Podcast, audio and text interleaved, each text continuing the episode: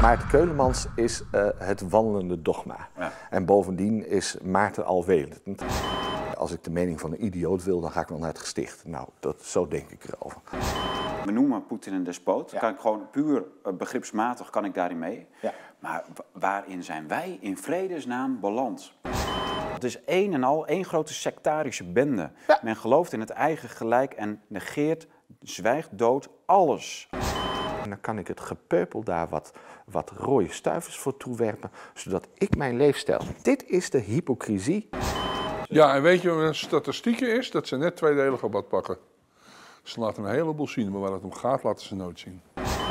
Dan is een boswachter iemand die toch iets van de historie zou moeten weten. En die zegt, ja, maar als we niks aan de natuur doen, dan gaan er bomen groeien. Van harte welkom bij Blue Tiger Studio in het nieuwe jaar 2023. Eh, ik ben weer beter, lekker op vakantie geweest. Ik ben weer terug aan tafel met nieuwe gasten. Eigenlijk nieuwe oude gasten. Willem eh Groenbouwer. Ja. welkom. Leuk dat je er bent. Ja, ik Eh, denk, eh, neem eens een biertje mee. Ja, nou, dat, eh, laat het biertje zien. Dat is een de Jan van Dalfsen. Nou, daar zit hij. Daar zit hij. Nou, we lijken Jouw, op elkaar. De gast die jij hebt meegenomen, want jij bent onderweg, eh, heb jij iemand Ja, opgepikt? ik, ik kwam in Dals, dus ik neem Jan mee. Ja, een hele oude gast. Jan Ja. eh, B. Hommel, alias eh, Jan Bonte. En eh, nou ja, kijk, ik heb hem hier liggen. Jij bent twee jaar geleden hier geweest. Ja, Eigenlijk jouw allereerste echte media optreden ja, eh, heb je hier afgetrapt. ja. Leuk. En dat is een heel goed bekeken uitzending geweest destijds. Dat weet ik al niet Ja, eens meer. wel. ja, dat is een hele goede uitzending geweest. En blogschrijver, heel bekend onder die naam Jan B. Hommel. Jouw verzamelde blogs heb jij zelf in eigen beheer uitgegeven. Eh, de Gifbeker, deel 1 en deel 2 komt. Deel 2 komt, die ben ik nu aan het reviseren. kijk. En, eh, moet nog- op het boek. ja, dankjewel. En eh, die, die, ja, weet je, daar moet ik zelf nog een keer doorheen. En eh, die eerste druk zaten veel fouten in. Daar heeft iemand echt gewoon met de stofkam doorheen geweest. Dus de tweede druk is veel beter. En die wil dat ook wel bij het tweede boek doen. Ja. En eh, Leuk. Ik kijk er naar uit. Ik heb hem net in handen, een mooi gesigneerd exemplaar. En ik ga die eh, lezen. Die gaat naar mijn nachtkastje. Ja? Dankjewel, Jan. Ja. Ja, heel blij mee. Waar gaan we het over hebben? We, gaan het, eh, we hebben het eerder gehad met Ronald Meester en Joris van Rossum over eh, wetenschap en religie. Het was een ontzettend leuk gesprek. Nou zitten Willem en Jan hier aan tafel en we gaan het eh, ja, min of meer ook weer over wetenschap hebben. En ook wel vast weer over religie, maar ook over sectarisme en ook over een totalitaire staat. Leuke onderwerpen voor een leuk gesprek en daar gaan we na de boekenbreek eh, mee beginnen. Die boekenbreek, dat is nog leuk, want we hebben natuurlijk eh epoch nummer 18 alweer. De vijfde jaargang zijn we al flink mee eh, afgetrapt. Dit is nummer 18, de- over de Going Direct Reset. Dat is een mondvol, maar het gaat over het plan van wat achter de CBDC's ligt. Deze en de vorige epoch, dus nummer 17 en 18, eh, die horen een beetje bij elkaar. De CBDC's zijn een plan op zich, maar de, dat hele gedoe daarachter, eh, dus de, de BIS, de FED, BlackRock, Vanguard, die hebben allemaal samengespannen om die CBDC's te lanceren. En dat vindt u dus in dit nummer. Aangevuld met andere leuke stukken. Een, eh, ik zal eens even bij, bij u doorbladeren. Natuurlijk de gebruikelijke lifestyle, wat reizen. Maar, oh, en bier uit Borculo, de heren van Borculo, daar zijn we geweest met eh, Wim Cuperus. En eh, een mooi stuk geworden.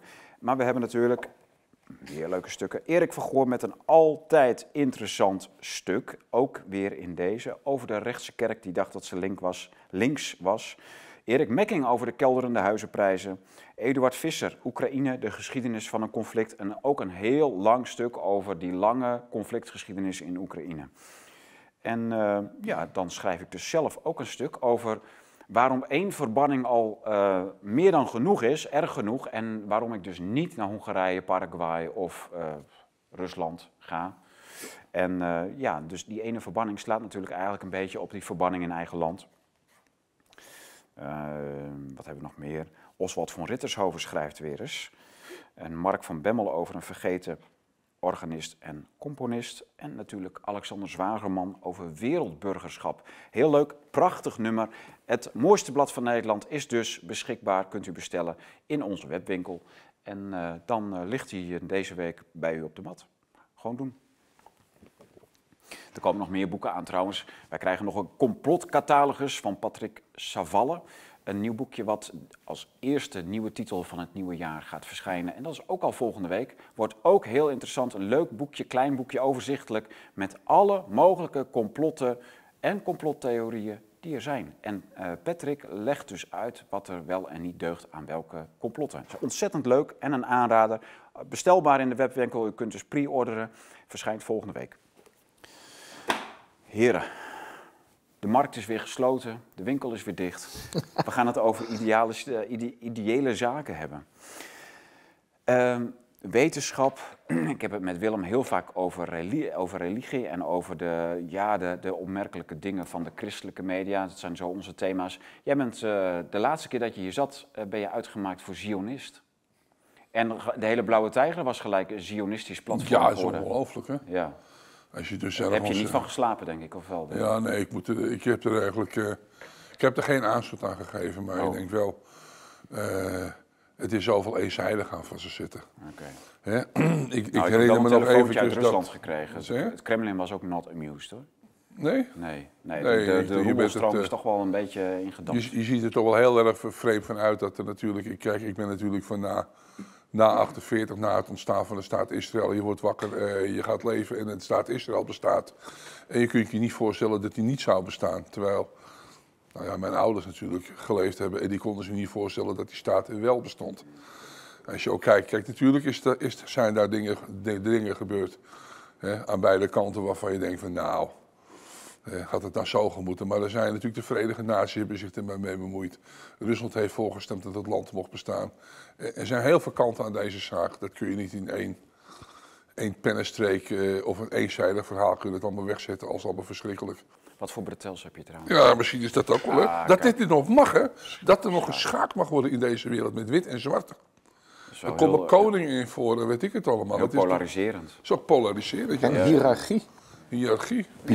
Wat heb je nu voor jasje? Een wijnjas. Nou, ja, mag dat, dat mag wel, hè? Ja, ja, maar wel rode wijn, dat mag natuurlijk weer wel, want dat is natuurlijk wel... Hè? Ja, witte wijn, dat eh, is eh, Witte wijn- een witte heel wijn. ander verhaal, eh, Heet Jan. dat nu blanke wijn? Of, eh, of mag Ja, dat, ik weet het eigenlijk mag niet. dat juist in Frankrijk heet het blanc. Blanc Ja. Ja, blanc. Ja. Du vin blanc, dat is eigenlijk ook niet... Maar nou ja, dit- dit mag ook niet meer natuurlijk. Nee, En, en wat mag er eigenlijk nog wel? Ik heel bedoel, je kunt- racistisch ook, hè? Gewoon zwarte stukken op Ja, een witte nou, ik heb gelukkig maar geen witte, de witte stukken genomen. Dan had de blauwe tijger natuurlijk meteen de NCTV achter Ja, gehad. hadden we weer. Ja, een ik heb al rode schaakstukken gezien. Misschien kun je daar regenboogschaakstukken van maken. Hey, Yakiba. Of alleen de lopers. Omdat die wat genderproblemen hebben, zeg maar. Je weet niet of het een man of een ja, vrouw is. Ja, ja, die lopers, dat waren, volgens mij waren dat de kerkelijke, kerkelijke heren. Hè? Van- Nee, nee, nee, dat was de, bis, de bishop, ze heette nog in Engels de B, de van Ja, bishop. Precies, dus dat is een kwestie, eh, En de, die hebben zo'n gleufje. ja. In de, ja, van de, in de mijter. Nee, nee, daar kun je dus flessen mee openmaken. Oh, oké. Wist je dat niet? Ja.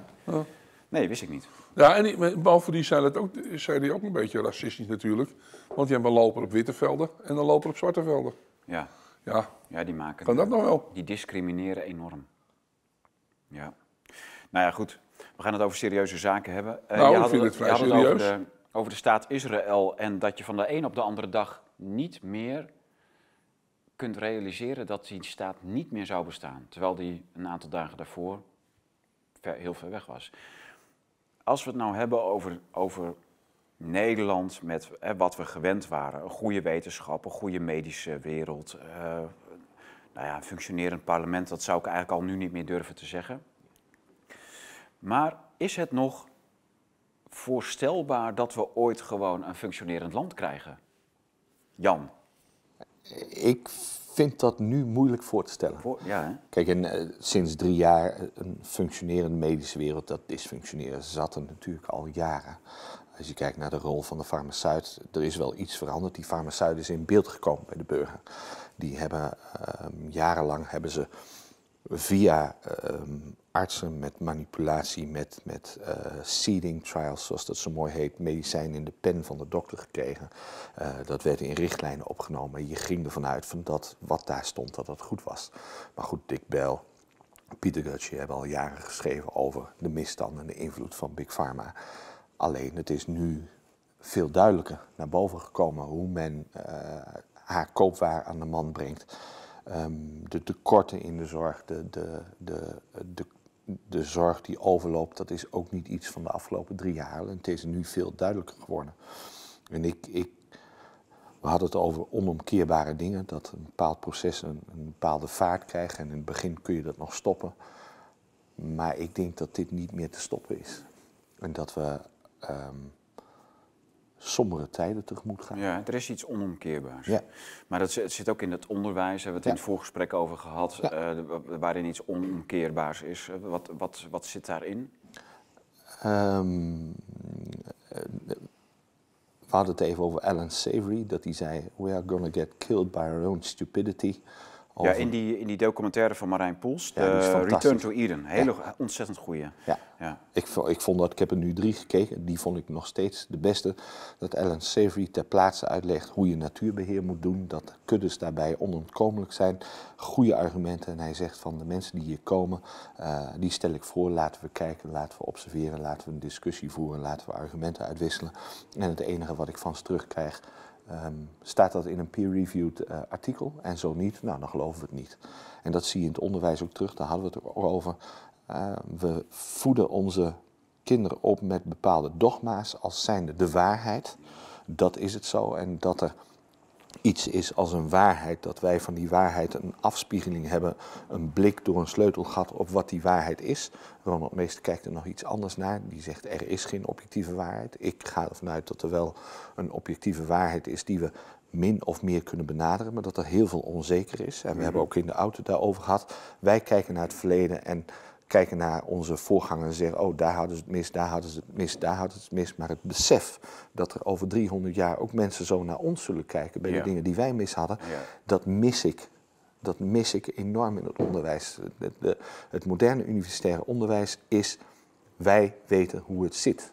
En er is geen plaats meer voor onzekerheid, voor twijfel, voor eh, vragen, wetenschap bevragen. Wat eigenlijk de essentie van Voor het wetenschap is. besef van de grenzen van onze kennis Ja. en, van ons kenvermogen. Ja. En, en ook hè, en kennis is nog niet ook, ook niet, is ook niet hetzelfde als dat je iets begrijpt. Nee. Het- hè, de- soms kunnen we iets weten, maar niet weten waarom. Maar, maar ja, we, de- het, is, het is heel beperkt wat voor soorten en maten aan kennis je hebt, wat de grenzen daarvan zijn.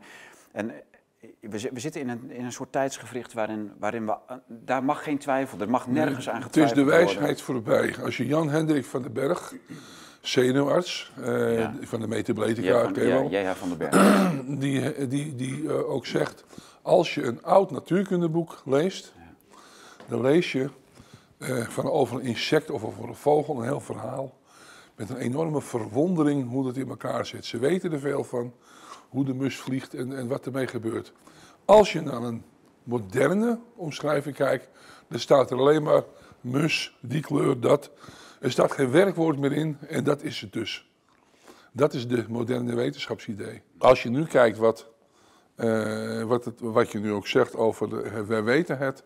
Je, je ziet een hele discrepantie tussen wijsheid. Het is de wijsheid ver voorbij. Het is een arrogantie van de wetenschap.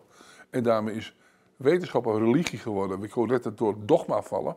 Dogma is altijd dwaalleer. Als wij bijvoorbeeld in de theologie over de eh, uitverkiezing hebben, je hebt het over erfzonde. Zijn allemaal dingen om iets te duiden. Maar ze zijn altijd dwalend. Waarom zijn ze dwalend? Omdat ja, elk voorbeeld mist natuurlijk zijn, zijn, zijn, zijn precisie. Maar je kunt er wel iets mee duidelijk maken. Dat blijft een dwaling. Nou, dit is in de wetenschap net zo goed als jij uit de wetenschap een dogma neerzet. Als je in de schaaksport een dogma neerzet, die zet is goed, dan is die best wel goed. Maar het blijkt altijd een dwaling te zijn, want er komt toch even iemand anders van ja, maar je moet het heel anders bekijken. Dan. Dat is hetzelfde als Ja, ik bijvoorbeeld nu zeg. Ik, ik ben, dat ben ik niet met je eens, Willem. Nee. Ik, ik vind dat, dat- dat- ja, een dwaling is toch iets. eh, een, een dogma probeert toch iets zo precies mogelijk te omschrijven. Wat Jan zegt, hè, we, we, kunnen niet. ehm, we, we geloven toch uiteindelijk in het bestaan van de waarheid.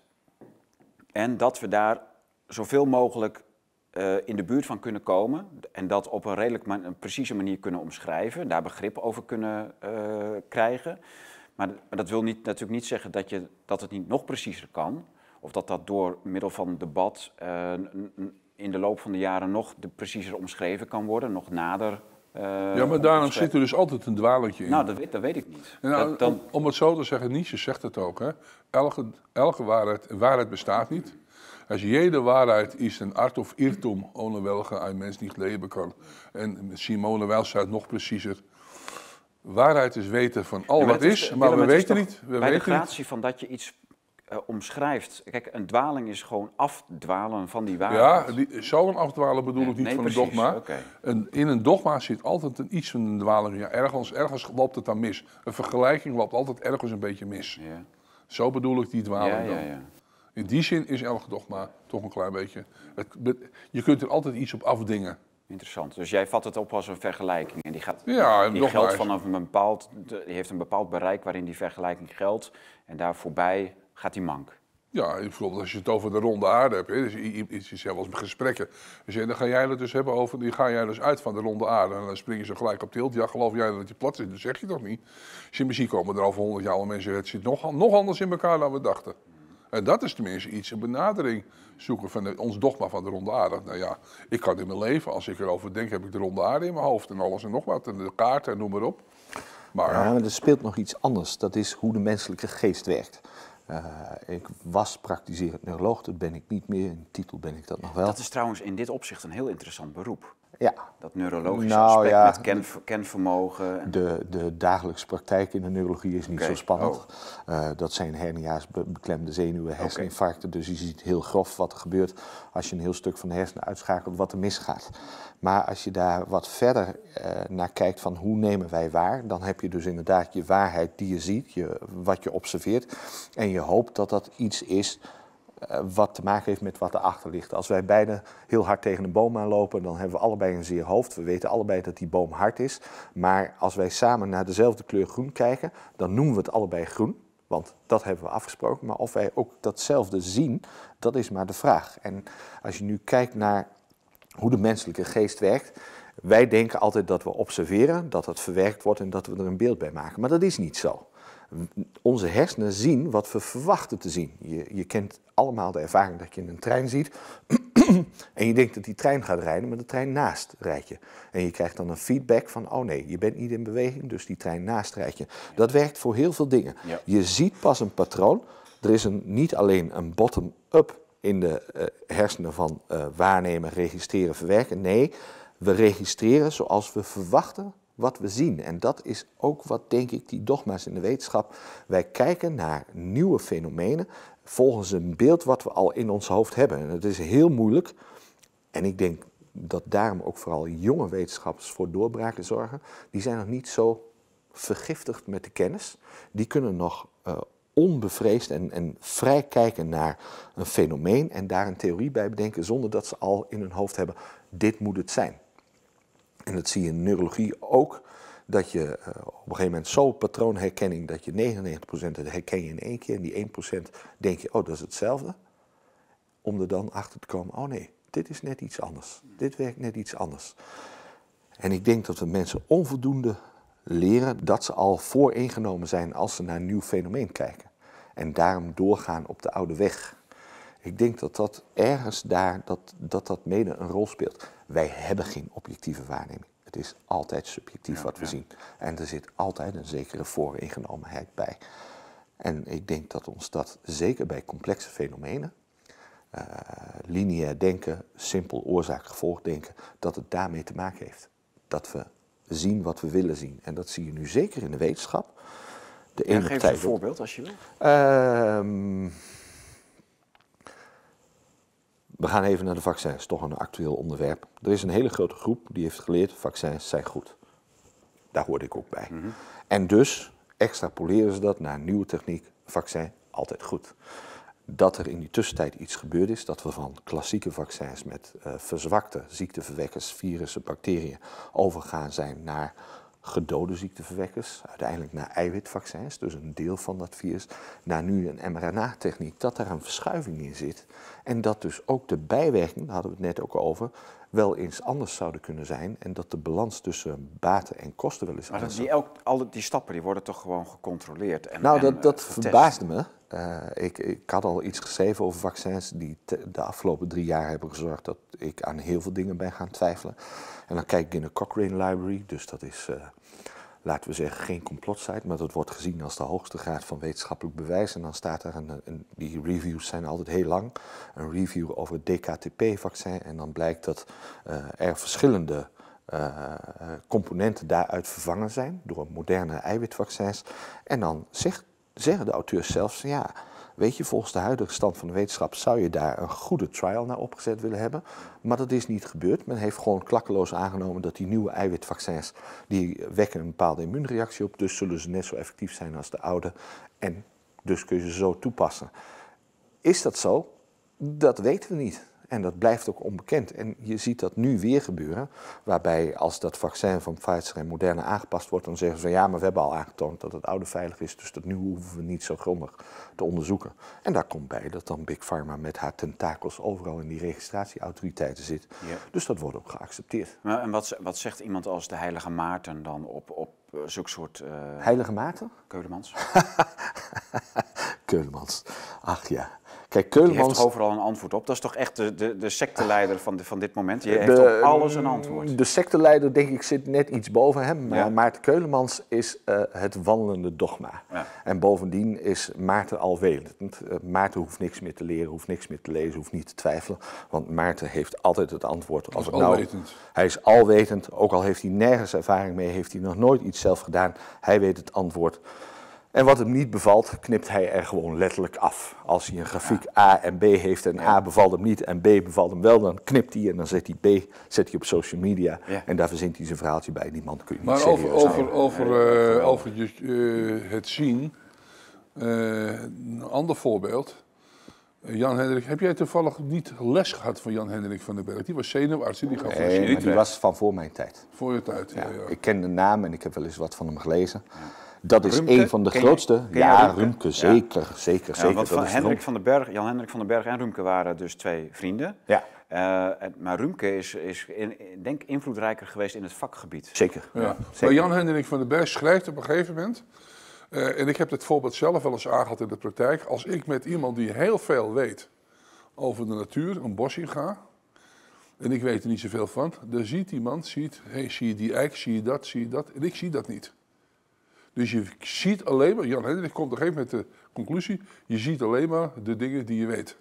De dingen die je niet weet, zie je niet. Nee, maar en hij komt op een zeker moment met een in, inboling die hij uit uh, de oerwouden van Indonesië uh, had geplukt. En die hadden ze dan in uh, Singapore een dag neergezet. En aan het eind van de dag vroegen ze, wat heb je nou gezien? Die man had niets gezien. En waarom die? Omdat hij niets herkende. Hij had alleen een hele grote auto met bananen gezien. En die omschreef hij dan als een enorme grote oerang-oetang met een enorme hoeveelheid bananen op zijn rug. Maar dat kon hij, dat kon hij weten. Ja, maar dat is zijn referentiekader. Maar de grote geesten in de geschiedenis... En dan heb je het bijvoorbeeld over Newton of over uh, Einstein. Die konden voorbij hun referentiekader kijken. Dat dat daarin verschillende. Die konden dingen zien die ze nog niet wisten, nee. die ze nog niet herkenden. Ik beschouw mezelf als uh, redelijk intelligent, niet boven, boven maar goede vriend van mij, neuroloog. Wij zijn het er altijd over eens. Wij zijn geen originele denkers. Sommige mensen zeggen dat wel. Nee, dat zijn we niet. Wij kunnen goed lezen, kunnen goed combineren en we hebben goede werklust. Maar als je echt de grote denkers hebt, die, kun je, die kunnen voorbij hun referentiekader kijken. Dat zie je bij uh, de schrijver George Orwell. Je ziet dat bij de schrijver van The Brave New World. Die kunnen buiten een referentiekader en die kunnen redelijk goed voorspellen: hé, hey, daar gaat het naartoe. Of daar gaat het naartoe. Hannah Arendt had hetzelfde. Dat zijn de grote denkers. We weten niet hoe die hersenen bij hun werken, doet er ook niet toe. Dat is weer, je ziet het gebeuren, maar je begrijpt niet wat er gebeurt. Dat is wat de grote denkers, en dat zijn de mensen die ook invloed hebben op de geschiedenis. Omdat ze iets bedenken wat nog niemand kon voorzien. Ik bedoel, eh, probeer de relativiteitstheorie maar eens te begrijpen. Een goede vriend van mij, theoretisch natuurkundige, die zei 99% van de natuurkundestudenten verlaat die universiteit, maar begrijpt de wetten van Einstein en van Maxwell, elektromagnetisme.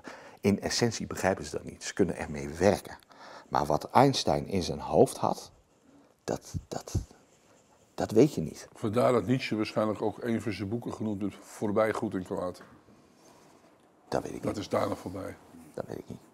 Ik denk, um, ik denk dat het altijd verstandig is om kennis te nemen als je zelf niet, tot dat, denkvermogen, niet dat denkvermogen hebt om kennis te nemen van de mensen die dat wel hadden. Vandaar dat ik graag lees als ik er aan toe kom. Um, Maar eh, in essentie, komen we even terug op Maarten Keulemans. Ik heb wel eens tegen mijn assistenten gezegd, als ik uh, geen fouten meer maak, wordt het tijd om op te houden. Het kan namelijk twee dingen betekenen. Of ik ben zo'n goede dokter geworden dat ik geen fouten meer maak, die kans is erg klein. Of ik zie mijn eigen fouten niet meer, dat is veel erger. Dan wordt het zeker tijd om ermee op te houden. In dat opzicht wordt het hoog tijd dat Maarten Keulemans ermee ophoudt. Want hij ziet zijn eigen fouten niet, hij erkent ze ook niet. Uh, hij heeft altijd gelijk. Dan is, dan, dan, dan is je wereld voorbij. Want wat, wat, wat valt er dan nog te onderzoeken? Wat valt er dan nog om, om je ergens over te verwonderen? Om ergens van te zeggen, ik begrijp dat niet. Of, zoals ik laatst ook had, ik had verkeerd naar grafiek gekeken... en toen schrijft iemand op van ja, maar het is net andersom. Nou, dan kijk je naar en denk je, oh, stom, ik heb het verkeerd geïnterpreteerd. Hmm. Zelfs dat, die nederige eigenschap heeft Keulemans niet. Hij lult om zijn eigen fout in. Ik vind het nou goed, dat blijkt ook wel. Ik vind het een verschrikkelijk mannetje. ik heb niet de eer om hem te kennen. Nou nee, ik ken hem niet persoonlijk. En ik, uh, er deed iemand het voorstel dat ik met Maarten Keulemans uh, in discussie uh, ga bij de Nieuwe Wereld of voor mijn part hier. En toen zei ik, ja weet je, een van mijn vroegere opleiders zei... als ik de mening van een idioot wil, dan ga ik wel naar het gesticht. Nou, dat, zo denk ik erover dit, dit, dit heeft echt geen zin. Maar hij, hij mijt alle debatten en discussies natuurlijk als, als de pest. Hij is inhoudsloos. Met Pieter Borgen wil hij niet in debat, nee, met jou niet. Nee, nee. Als, als het gaat om een simpel rekensommetje, hoe groot is de kans dat als een van mijn kinderen besmet wordt, dat ik ook besmet word? Als ik Ioannidis, een van toch wel de grote wetenschappers van onze tijd. Die kan ik een krat bier voeren en nog een fles whisky erbij. Die schud ik s'nachts wakker en die zeg ik reken dat voor me uit. En half slapend rekent die zo'n sommetje uit. Maarten Keulemans kan het zelfs niet als hij geen enkel biertje gedronken heeft. Hij snapt het gewoon niet. En dit soort mensen moet dan oordelen. En zelfs, het maakt ook niet uit om wie het gaat. Hij weet het beter dan wie ook. En dan zal ik een voorbeeld geven. Als ik een artikel van Ioannidis lees, dan weet ik dat is iemand die heeft daarover nagedacht, die heeft de kennis, die heeft de statistiek. En dan denk ik daar wel eens een, een misredenering in te zien. Maar dan ga ik nog wel tien keer kijken voordat ik zeg van nou, misschien heeft hij het echt wel bij het verkeerde eind. Omdat ik weet, die man weet daar iets van. Dat wil niet zeggen dat hij onfeilbaar is, maar ik bedenk me wel tien keer voordat ik zeg, daar zat hij fout. Keulemans niet. Keulemans leest de abstract en die leest de conclusie en ja, dat klopt niet. Een van de mooiste voorbeelden was studie naar de uh, seroprevalentie, dus naar de infection fatality rate. Daar wordt naar antilichamen gekeken en er wordt gekeken hoeveel mensen gaan dood aan COVID. Daar kun je heel veel over zeggen. Daar zei hij van, hij had uh, de tabellen nagekeken en uh, ja, hij had gezegd, die studies waren helemaal niet geschikt om die IFR voor een land te berekenen.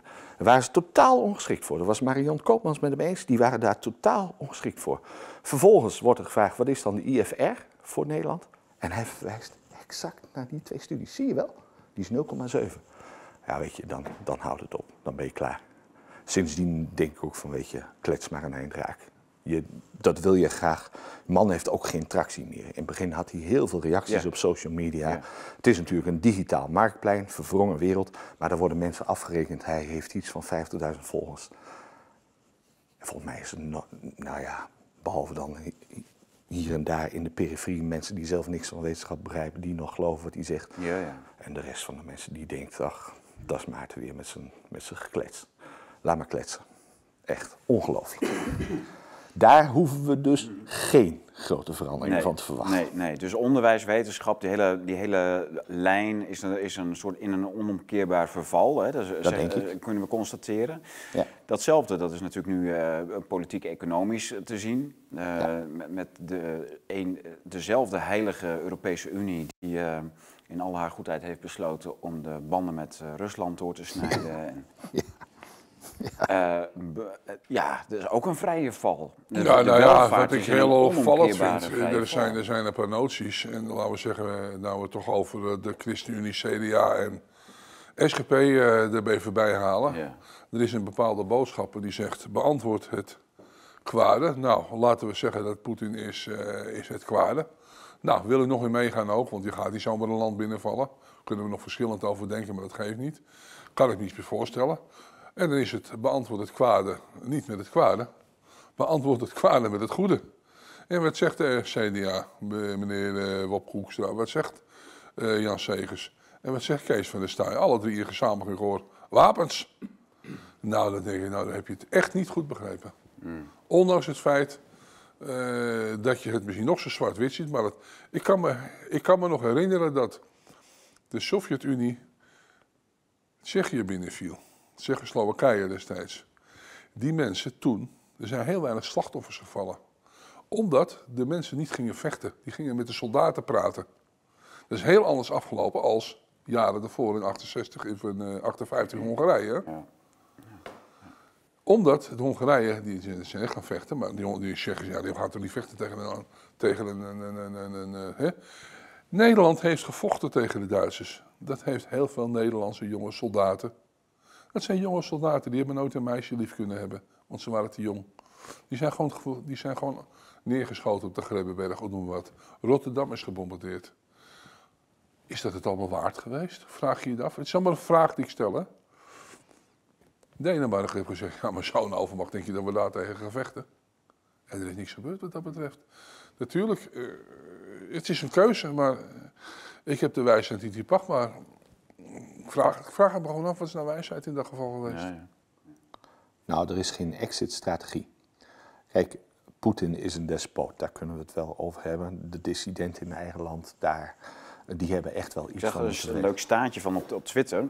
dat er in 2022 300 of 400 eh, mensen waren opgepakt vanwege een opiniedelict in Ja. Rusland. Ja. En dat had iemand eh, in, eh, vergeleken naast eh, Engeland. Ja, Dat waren er 1800 in ja, Engeland. ja, Of, of nog meer. Er, er- het is hier natuurlijk het- precies. het- Dus de schaal is, is totaal zoek. Hè. We, noemen, Ja. noemen Poetin een despoot. Kan ik gewoon puur eh, begripsmatig kan ik daarin mee. Ja, Maar wa- waarin zijn wij in vredesnaam beland? wij zijn geen beter. Duitsland is erg, Nederland is erg, Engeland is erg, Frankrijk is erg. Verenigde Staten, waar een van de staten inmiddels een wetgeving is ingevoerd dat als je desinformatie verspreidt Ja. als arts over COVID, dus je mag daarover over de vaccins, dan kun je daarvoor opgesloten worden. Nou, weet je, beter kun je het niet, niet eh, verwoorden. In het begin zag de, ik. de secte, sectarisering van de wetenschap in volle glorie. Ja, Politiek je- en wetenschap, secte, en het, is... Het is Maar dit is dus precies wat er gebeurde bij de Inquisitie. Nou, daar hadden we het over. Eh, de- Ik, jij dacht er iets anders over, maar Mhm. je ziet parallellen zoals Ronald Meester dat in zijn boek ook verwoord heeft. Het hoogtepunt van de Rooms-Katholieke Kerk was de, de waarheid die de kerk verkondigde, was absoluut heilig. Daar mocht niet aan getwijfeld worden. Die hadden een eigen inquisitie. Die hebben we nu in de vorm van de keulenmannetjes en de factcheckers. Die hoeven nergens iets van te weten, maar die, eh, die benaderen werkgevers, die, eh, die maken je het leven zuur, op wat voor manier ze ook kunnen denken. Iedere kritische denker of iedereen die zelfs maar het waagt om te twijfelen of om vragen te stellen bij iets, die moet vernietigd, verdelgd, opgepakt, eh, die moet gewoon weg. Ja, en niet alleen op medisch gebied, hè? Ook Nee, op op klimaat. al- overal. Je ziet dat. Je ziet het weet, zelfs. je, weet je waarom ik het daar niet mee eens ben, Willem? Dus, eh, ik vind het een heel leuk punt. Omdat ik... ehm, kijk, de inquisitie eh, is... he- de- Er werd, de verdachten werden ondervraagd. Er werden uitgebreide processen en eh, mensen werden gehoord. Er wer- waren ongelofelijke debatten. En vaak wordt dan Galilei aangehaald, die op de brandstapel eindigde. Het punt was, dat ging nooit om wetenschap. De inquisitie was er niet om wetenschap. Integendeel, de wetenschap in de universiteit in de katholieke tijd, in de eh, einde middeleeuwen, bloeide waanzinnig. Dat is na de reformatie totaal ingestort. Eh, daar hebben wij trouwens een boek over uitgegeven. Dat heet De Bouwmeesters van Europa. Daar staat dat in. Dat is nog wel terug te lezen. Dat is ontzettend leuk. Nou, dan geef ik je die graag mee eh, naar huis. Ehm, en de, ja, het- de inquisitie, dat, die deed als mensen, als leek, theologische eh, standpunten gingen verkondigen, dus eigenlijk eh, buiten de kerk om, dan werd dat gezien als een poging om de s- eh, secte op te richten. En dat werd bestreden, ja. Ja. En dus de, en de, want, want het theologisch debat vindt binnen de kerk plaats. En dat was ook echt een theologisch debat. En er was altijd een, gewoon een eeuwigdurend, door, doorgaand debat over alles. Maar het moet wel ja, onder bepaalde omstandigheden. Je, kunt niet zomaar eh, Jan Fluitjes eh, Ja, maar goed, de achter zijn- inquisitie- onder zijn melkstal vandaan trekken... en die gaat in één keer zeggen van... eh, Jawel, maar de Ja, Inquisitie was natuurlijk wel op zeker moment dat Philips II op zijn schip vanuit Nederland naar Spanje voer. En, Robert Lem heeft daar een fantastisch boek over geschreven. De Spaanse Inquisitie. Dat is verschenen bij Aspect. En dat is een ongelooflijk goed boek als je wil weten wat de Inquisitie precies is en wat ze Maar die heeft ook zijn uitwassen wel gekend. Ja, maar, eh, ja, nee, kijk, eh, ja, maar dat wordt dan misschien toch een debat op zichzelf om dat, om dat een keer te gaan eh, bespreken. Ja, en ik moet ook Ja. zeggen, daar weet ik te weinig van. van die Nee, het tijd. is een vergelijking die vaker dus gemaakt naar huis vaart, Ja. in Nee, een enorme kijk, storm terechtkomt en eh, dan eh, zich tot, tot, tot, de eeuwige wendt. En plotseling dan zegt hij tegen, als ik behouden thuis kom, dan zal, als ik ga- thuis kom, zal ik 50 ketters op de brandstapel zetten of Ja, zo. maar, maar Jan, hè, als we even gewoon terug op dat inquisitieaspect. Je mocht toch willen dat er een soort van sensor eh, komt die zegt van... eh, Jan, wat, wat heb je precies te zeggen? Ja. Hè, wij hebben dit soort mening, dit en dit soort dingen eh, over jou gehoord of van jou. Leg het ons uit. Ja. Dat, En dat, daar zou, heb je- dat zou toch waanzinnig zijn? Als, als de, want dat, hè, inquisitie, onderzoeken, dat, is toch, dat had moeten gebeuren. Niets van dat al. Het is één en al één grote sectarische bende. Ja. Men gelooft in het eigen gelijk en negeert, zwijgt dood alles. Alles wat dat in vraag stelt. Kijk, en ik heb dat al vaker gezegd, eh, eh, dat mij het ten deel valt, dat heb ik inmiddels wel geaccepteerd. Maar Dick Bell spreekt Ioannidis op een conferentie en die zegt, ik heb nog nooit zoveel moeite gehad om mijn artikelen gepubliceerd te krijgen. Die man had de hoogste eh, citatiescore, meest geciteerde wetenschapper. Hij zei, normaal als ik een artikel nog maar half af had, dan stonden de grote Ja. tijdschriften al naast zijn bureau van... Altijd Ja. artikelen. Ja.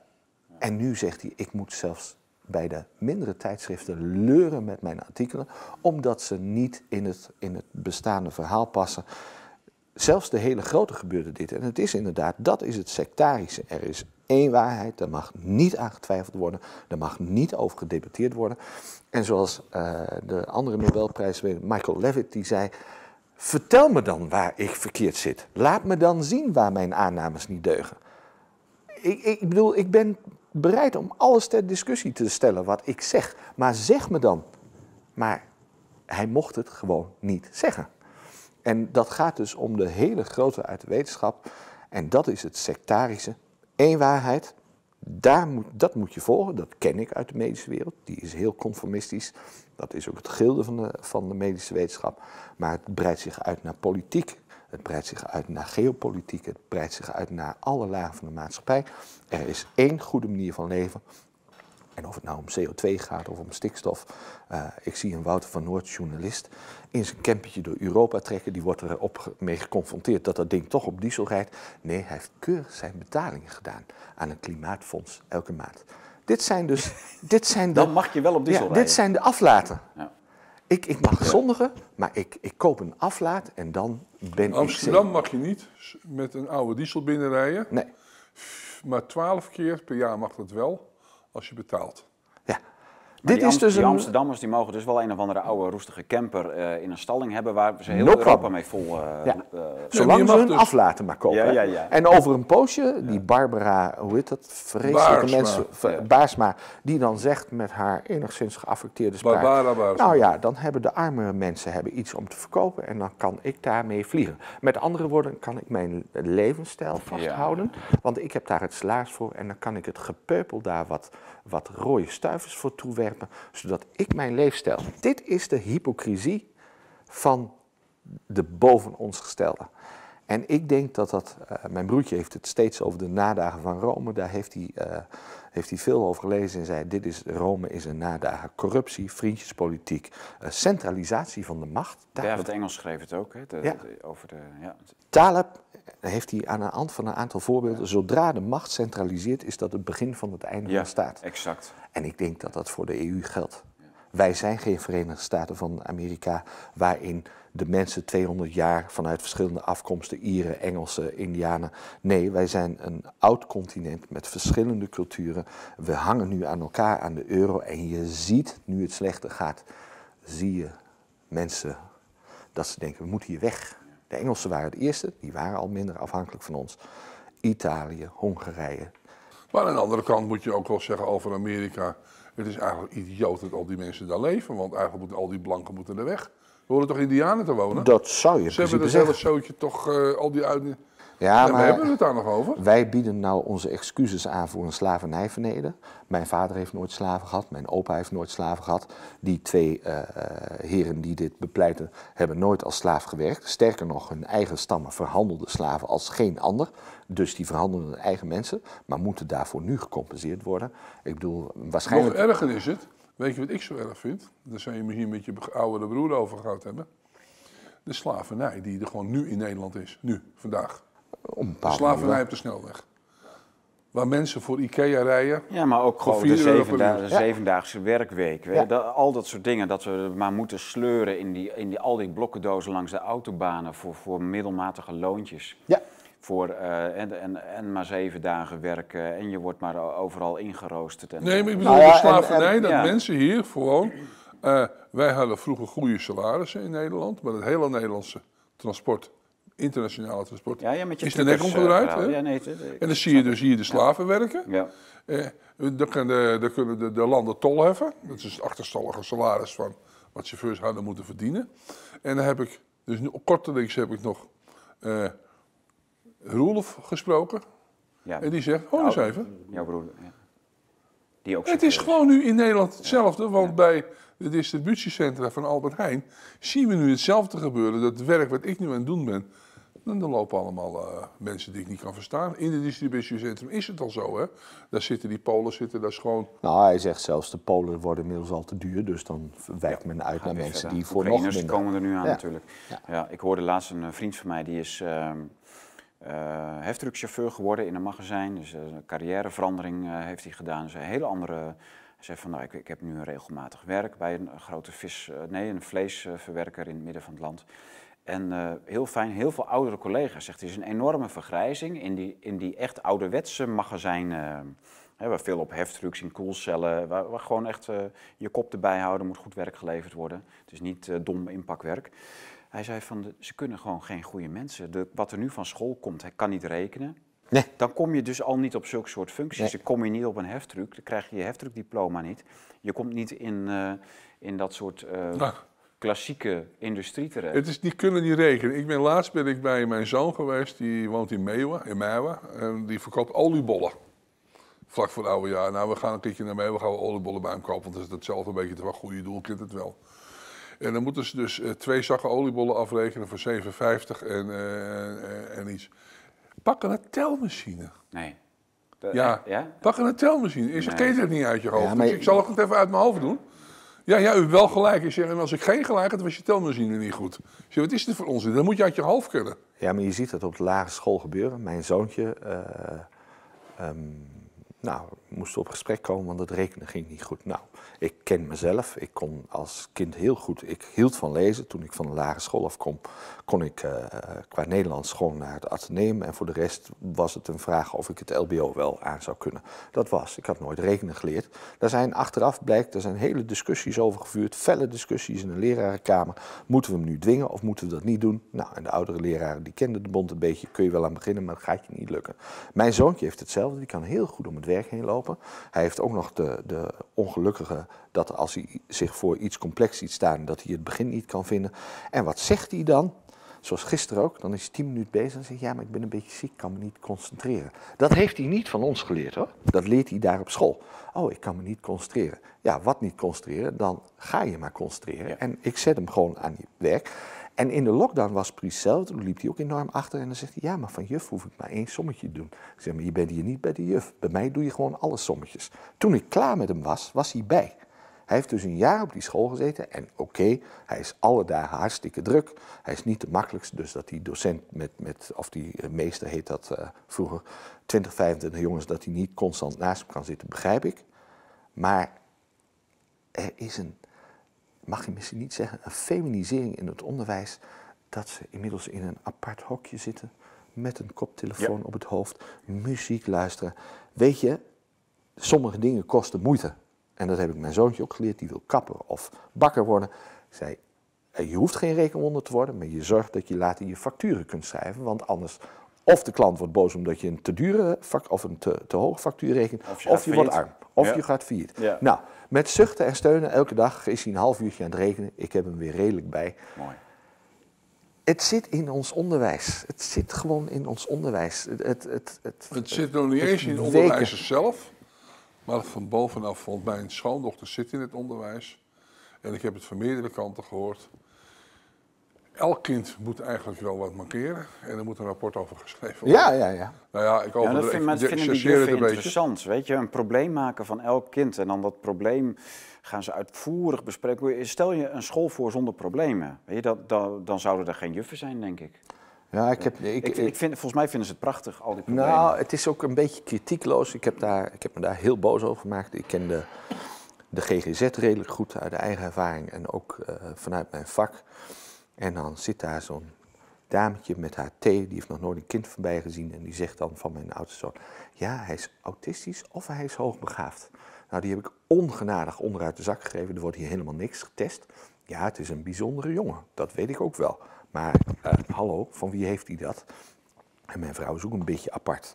Dus twee aparte, ja, krijg je een apart kind. Nu zeggen die docenten, ja, het is een beetje een vrije denker. Ja, een vrije denker en een, een, eh, als hij het kan redden, dan doet hij niet zoveel. En toen zei ik ook, als je een vrije denker bent, als dat zo is, dan moet je eraan wennen dat je buiten de groep staat. Dus dat is niet anders. Dat is niet altijd leuk, maar dat is niet anders. En ik, heb ze ook uitgelegd, al die testbatterijtjes van jullie. Ik heb er jarenlang mee gewerkt. Ik heb jarenlang de resultaten gezien. Het is gewoon gepruts. Het is bijgeloof. Het is... Ik kreeg van neuropsychologen over een patiënt drie bladzijden met testen en een oordeel. En dan dacht ik, want ik stuurde alleen de mensen waarbij ik zelf twijfelde. En daarna dacht ik, ja, wat weet ik nou meer?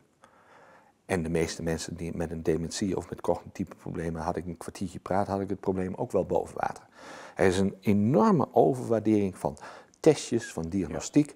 Eh orthopedagogen die diagnoses drukken op kinderen, waar zelfs de DSM, wat een puur statistisch systeem is, dus geen wetenschappelijk systeem, drukken diagnoses op kinderen waar volgens de DSM op dat moment nog helemaal geen diagnose opgedrukt mag worden. En hoe gaat het? Dan hebben ze een vragenlijstje, dan zet je een kruisje, kruisje, kruisje, drie symptomen. Oh, dan heeft hij dat. Ja, Het is, ja het is statistiek, wat je, wat je zegt. Ja. Ja, en weet je wat een statistieken is? Dat ze net tweedelig op wat pakken. Ze laten een heleboel zien, maar waar het om gaat laten ze nooit zien. Nee, je moet weten hoe het werkt.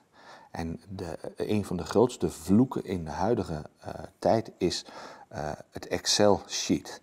Daar kan iedere maloot een paar getallen invullen. Die laat daar een statistische methode op los. En daar komt een mooi grafiekje uit. En wat daar in die statistische methode gebeurt, wat dat ding eigenlijk verwerkt, wat de data zijn die je erin stopt. Want die data zijn altijd een extractie van de werkelijkheid. En je kunt er ieder gewenst resultaat uitkomen.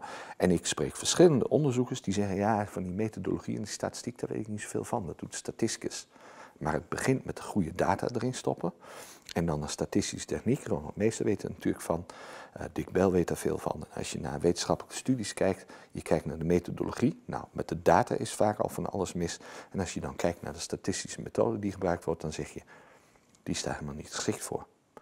Meester heeft nog een, een heel goed punt dat heel veel gaat over significantie, terwijl Zeker. en ja, terwijl de Bayesiaanse analyse veel beter is. Je begint met een vooraf waarschijnlijkheid en je berekent met je methode wat je achteraf mogelijkheid is. Dat is een veel betere me- methode om te kijken naar fenomenen. En ik zal dat uitleggen, wat praktischer maken. Als ik a priori een diagnose heeft dat de maan van invloed is op de hoeveelheid benzine die ik in mijn auto gebruik, dan zeg ik van tevoren, nou, is niet zo heel erg waarschijnlijk. Dan kun je honderd keer daar een analyse op la- loslaten die laat zien dat het wel zo is, dat het significant dat verband er is, maar daarmee wordt die aanname niet heel veel waarschijnlijker. Die was heel onwaarschijnlijk, die blijft heel onwaarschijnlijk. Alleen in de huidige wetenschap wordt die statistiek zo gebruikt. Als die statistiek laat zien dat het verband significant is, dan is er. Dat is een verkeerde manier van denken. Je moet beginnen met een a priori kans. Wat ik wil onderzoeken, is dat aannemelijk? Kan ik op een of andere manier kan ik dat verband vermoeden? Is dat er werkelijk? Of is dat zo onwaarschijnlijk dat ongeacht welke statistische methode die ik er overheen laat lopen, dat het gewoon onwaarschijnlijk Maar als blijft? die statistiek nou echt zegt, hè, vanaf zeven- 70 of 80 procent van de, het aantal keren eh, er zie, is dat verband in de statistiek eh, er wel, hè, tussen het Ja. autoverbruik en de maanstand. Kun je, kun je dan niet zeggen van, eh, ja, maar er zou dan ook toch ergens iets zijn, iets, een, een, een missing link die wij nog helemaal niet kennen, waar we niks van weten? Dat kan. Maar dan moet je daar dus goed over nadenken. Wat is dan die link? Ja. Nou, en een van de, de bekende fallacies is het verband tussen eh, ijsjes eten eh, en haaien beten. Ik bedoel, dat is een bekend voorbeeld wat we allemaal wel kennen. Daar zit een andere factor achter, namelijk dat het zomer is. Ja, maar niet iedereen eh, kent dat voorbeeld natuurlijk. Nou ja, het is, de- dan zegt men er is een verband tussen eh, ijsjes eten en het aantal haaien beten. Dan denk je, nou, dat is niet erg waarschijnlijk. Totdat je dan verder eh, gaat denken en denkt, oh ja, wat gebeurt beiden in de zomer? Dus dat is de factor die je niet kent. Ja. Dat is je, je onbekende factor. Omdat mensen in de zomer zitten vaak eh, in zee, krijgen haaienbeten, maar in de zomer eten ze ook, Eten ook veel Waarmee je eigenlijk zegt van ja, maar vaak is dat verband dus zoiets banaals. Ja. Dat het helemaal niet, dat, dat moet je dus niet spannend gaan maken. Nee, en eh, i- dan moet je gaan kijken, is er dan een andere factor die beide factoren kan verklaren? Ja. En er is een website, Spurious eh, Correlations. Daar zijn de meest vreemdsoortige dingen aan elkaar gecorreleerd, terwijl daar op geen enkele manier een verband tussen te bedenken Maar is. eigenlijk, eigenlijk zit het hierin dat eh, ze zeggen, eh, dikke mensen zijn vaker ziek dan magere mensen. Ja. Ik ben zelden, ik ben eigenlijk nooit ziek. Dus ben ik niet dik. Ja, nou, dat zou zo'n verkeerde gedachtegang kunnen zijn. Totdat je op de IC eindigt, dan ben je als dikke het eh, beter af. Dan, ben- ja, dan ben je in één keer de sjaak. Dan heb je... Nee, dan ja, ben je ja. beter af. Oh, echt? Ja, de prognose voor sommige aandoeningen is beter als je, als je meer Als je spek op de bot de hebt. bot hebt. ja. Voor de verpleegkundigen Ja, is dat een heb- stuk lastiger, want die moeten je draaien. Dus dat Ja. is wel vervelend. Ja. Want ik heb heel veel eh, met lood gewerkt. En lood verlaat je lichaam niet. En hoe, als ik dus nu ga afvallen en heel mager word, gaat het lood misschien een probleem worden. Misschien, wie zal het zeggen? Kan. Maar het schijnt ook dat op de IC belanden sowieso slecht voor je gezondheid is. Ja, natuurlijk. Het is een aanslag op je gezondheid. En wat ik net ook al zei, in de geneeskunde doen we de meest vreselijke dingen met mensen. Een IC-opname is er één van, omdat als je het niet doet, gaan ze dood. Ja. Maar je moet altijd realiseren dat er een kostprijs aan zit en dat mensen die van de IC afkomen echt maandenlang vaak bezig zijn om weer een beetje op het oude niveau terug te komen. Eh, en dat zie je ook met chemotherapie. Waarom geven we mensen chemotherapie? Waarom bestralen we ze? Omdat ze anders doodgaan. Maar dat is niet zonder een prijs te betalen. Die krijgen problemen met de zenuwen. Die krijgen dan een, een chemobrein, zoals dat zo mooi heet. Kunnen zich minder goed concentreren. eh, krijgen heel veel andere problemen. Maar je doet dat omdat de kwaal dat rechtvaardigt. En dan kom je weer terug bij de vaccinaties. Vac- was COVID-19 echt zo ernstig dat dat rechtvaardigde dat je risico's nam waarvan je nog niet weet hoe groot die zijn? En dat is ook, denk ik, en volgens mij heb ik het daar twee jaar geleden, nee, toen heb ik het daar denk ik niet over gehad. Je moet je realiseren, er is altijd een prijs te betalen. En als je niet weet hoe hoog die prijs zal worden, dan moet je voorzichtig, moet je terughoudend zijn. Dat heeft de geneeskunde mij twintig jaar lang wel geleerd. Wees voorzichtig met wat je doet. Want er komen altijd dingen uit die je niet verwacht, die je niet aan zag komen. Nou, die zien we ook. En, en we zien nog niet eens alles, want we zijn er niet zoveel. We zijn er niet over lang. vijf jaar. Nee, maar dat is, dat, ik bedoel, dat is, we hebben dat bij DES gezien, dat zijn de bekendste eh Softenon? Eh, ja, Softenon is er een van, maar we hebben er veel meer, ook daarna nog. Ook, en dat, daar werden medicijnen teruggetrokken van de markt, terwijl eh, het aantal doden en het aantal bijwerkingen vele malen minder was dan bij, bij deze vaccins.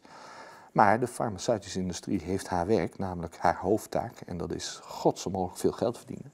Hebben ze nu heel goed gedaan. je hebt het over, alles heeft zijn prijs, maar alles wat we nu gedaan hebben, dat moet betaald worden. Nou, sterker nog, dit heeft niks opgeleverd. Die hele eh, aanpak van de coronacrisis Heeft veel gekost. heeft heel veel gekost Ja. en heeft nul opgeleverd. Heeft gewoon niks En dan opgeleverd. heb ik het nog niet even, we hebben het er niet auto over, de milieuverontreiniging, van de prikjes, van de handschoenen, van Nou, de hele wat dacht je van de mondkapjes? Mondkapjes, al die vezels. Ja. Hoeveel, hoeveel miljard werd er niet per maand Er is iemand bij me aan de deur geweest met een mondkapje op. Die wilde niet eens binnenkomen. Die, ik moest een kaart tekenen voor iemand, een felicitatie. Die kaart zo aan met handschoentjes aan, was op de fiets, wilde die binnenkomen. Ik zei, man, ik zeg, wat is, wat is er met jou ik, heb dat in, ik heb dat in een van mijn latere blogs geschreven, die staat hier niet in. Ik zeg één ding, ik zeg, jongen, denk je dan, over tien jaar krijgen we mondkapjes doden. Ja, dat weet ik, Ik heb nog zijn niet. gezicht niet kunnen zien. Nou ja, als je die- asbestdoden hebt vanwege vezeltjes in je longen, dan zou dat met mondkapjes Zou eh, kunnen. zou kunnen. Nee, dan zou heb, kunnen. ik, ik heb heel veel mensen gezien die zeggen, wat laat jij toch een gezichtsverlies met dit ding op? ja. Dat is verschrikkelijk.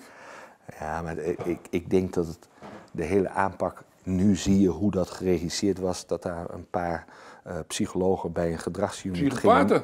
Nou ja, psychologen, laten we het dan maar zeggen, die dachten even het gedrag van het volk te manipuleren. Maar ook dat heeft zijn prijs. De hypochonders, de mensen die angstig zijn voor de dood, die zitten nog steeds in de auto met een En, mondkapje en voor op. wat? Hè? Want we hebben het in het voorgesprek gehad over die NCTV. Ja. Die, eh, gewoon die, die die avondklok gepland heeft. 17 oktober, Ja. drie maanden voordat hij inging. Ja, zonder enige medische verwijzing.